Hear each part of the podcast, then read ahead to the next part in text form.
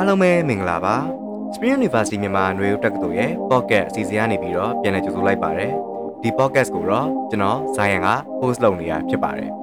ကျွန်တော်တို့ဒီပတ် select ဆက်ပြီးသွားမယ်အကြောင်းအရာကတော့ Resilient in Conflicted Area ဆိုတဲ့ series ရဲ့ episode 6အပိုင်း6ဖြစ်တဲ့သွေးဆုံးခဲ့သောတရုတ်ပြည်ကဒီမိုကရေစီအရေးတော်ပုံအကြောင်းပဲဖြစ်ပါတယ်အားလုံးပဲဆက်လက်ပြီးနားတော်တာဆင်မိကြပါဦးခင်ဗျာ ကျွန်တော်တို့ TMA ရင်ပြင်ရေးခင်းလို့လူသိများကြတယ်တရုတ်ပြည်ဒီမိုကရေစီအရေးတော်ပုံဟာ1989ခုနှစ်ဧပြီလမှာစတင်ဖြစ်ပွားခဲ့ပါတယ်ဒီရေးခင်းကိုဦးဆောင်ခဲ့တဲ့သူတွေကတော့တရုတ်ပြည်ဘေကျင်းမြို့မှာရှိတဲ့တက္ကသိုလ်ကျောင်းသားတွေနဲ့ကျွန်တော်တို့ပညာတတ်အတိုင်းဝိုင်းဟာပညာတတ်အတိုင်းဝိုင်းဟာ TMA ရင်ပြင်မှာစုပေါင်းပြီးတော့ကျွန်တော်တို့ပို့ပြီးတော့ကောင်းမွန်တဲ့နိုင်ငံရေးနဲ့စီးပွားရေးပြည်ပြောင်းလဲမှုတွေအကျိပြတ်ခြားစားမှုတွေကိုတိုက်ဖျက်ရင်းနဲ့ပို့ပြီးတော့ ပုဂ္ဂလလွတ်လပ်ခွင့်များကိုခေါ်ဆောင်မိရင်တောင်းဆိုအားနေပြီးတော့ဖြစ်ပေါ်ဖြစ်ပွားခဲ့တဲ့အရေးခင်းတစ်ခုပဲဖြစ်ပါတယ်။ဒီအရေးခင်းဟာတရုတ်ပြည်မှာရှိတဲ့အခြားသောမြို့ကြီးတွေကိုပါပြန့်နှံ့သွားပြီး1989ခုနှစ်မေလလောက်မှာတော့ဒီမြို့ကြီးအသီးသီးဟာတရုတ်ပြည်သူပေါင်းတောင်းချီတိန်းချီဟာကျွန်တော်တို့ဒီတရုတ်ပြည်ရဲ့မြို့ကြီးတော်တော်များများရဲ့လမ်းမထက်တွေကိုသိမ့်ပိုက်လိုက်ကြပါတယ်။ဒီလမ်းမကြီးပေါ်မှာတရုတ်ပြည်သူတွေဟာ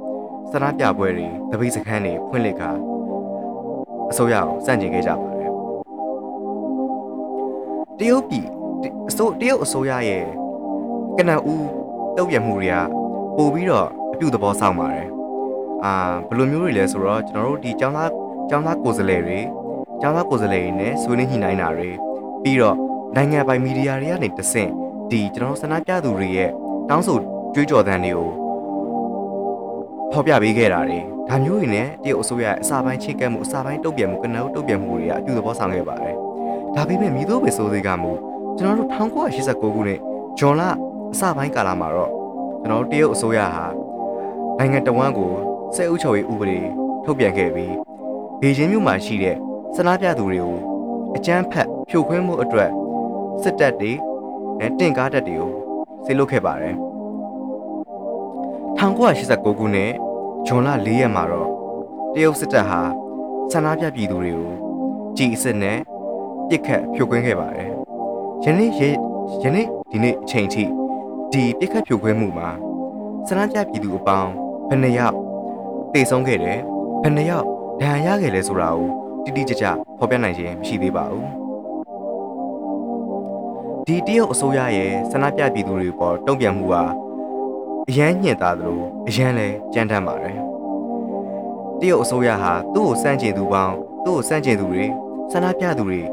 ထောင်နဲ့ချီပြီးတော့ဖမ်းဆီးခဲ့ပြီးတော့ကျွန်တော်တို့တံပြန်ဝါရဖြန့်တဲ့ကိစ္စတွေကိုပါတရုတ်အစိုးရစနစ်တကျပုံစံဖော်လာခဲ့ပါတယ်ပြီးတော့ဒီတရုတ်အစိုးရဟာလည်းဒီသတင်းမီဒီယာတွေလွတ်လပ်ခွင့်တွေလွတ်လပ်စွာဖော်ထုတ်ခွင့်တွေကိုပို့ပြီးတော့တင်းကျပ်ကန့်သက်တဲ့စီမင်းစည်းကမ်းအသစ်တွေဥပဒေသစ်တွေကိုလည်းဖော်ဆောင်လာခဲ့ပါတယ် ကျွန်တော်တို့ဒီ TMA ရင်ပြင်မှာဖြစ်ခဲ့တဲ့အရေးခင်းကချုပ်ထွေးပြီးတော့ကျွန်တော်တို့အချက်လက်တွေအများကြီးကျွန်တော်တို့ဟာ data research လုပ်မရခဲ့တဲ့အချက်လက်တွေအများကြီးရှိပါတယ်။ဒါပေမဲ့မြည်သို့ပဲစိုးစေကမူဒီလိုမျိုးတပါတီအာဏာရှင်စနစ်ကြီးစိုးတဲ့တရုတ်နိုင်ငံမှာဒီလိုမျိုးအုံကြွမှုတစ်ခုဖြစ်ခဲ့တယ်ဆိုတာကိုတော့ကျွန်တော်တို့ဒီဒီမိုကရေစီအရေးအတွက်တိုက်ပွဲဝင်နေသူများမှန်မှန်မေးလို့မရပါဘူးခင်ဗျာ။ဒါဘာကိုပြလဲဆိုတော့ဒါဘာကိုပြလဲဆိုတော့ ပြည်သူတွေဒီဘယ်လိုမျိုးဖိနှိပ်မှုမဆိုတွန်းလှန်မှန်ပဲဆိုတော့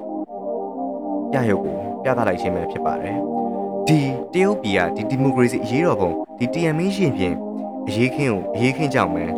ဒီအရေးခင်းကတခြားနိုင်ငံတွေမှာရှိတဲ့ဆန္ဒပြပွဲတွေကိုပါဩဇာလွှမ်းမိုးတိုက်ဟမှုတွေရှိခဲ့ကြပါတယ်ဒီ TMA ရင်ပြင်အရေးခင်းရဲ့အကျိုးဆက်ကတော့ယနေ့ယနေ့ဒီအချိန်ထိတရုတ်အစိုးရဟာလွတ်လပ်စွာထုတ်ဖော်ပြောဆိုခွင့်နေ သတင်းမီဒီယာလွတ်လပ်ခွင့်တွေကိုပိတ်ပင်တားဆီးရမည်ဖြစ်ပါတယ်။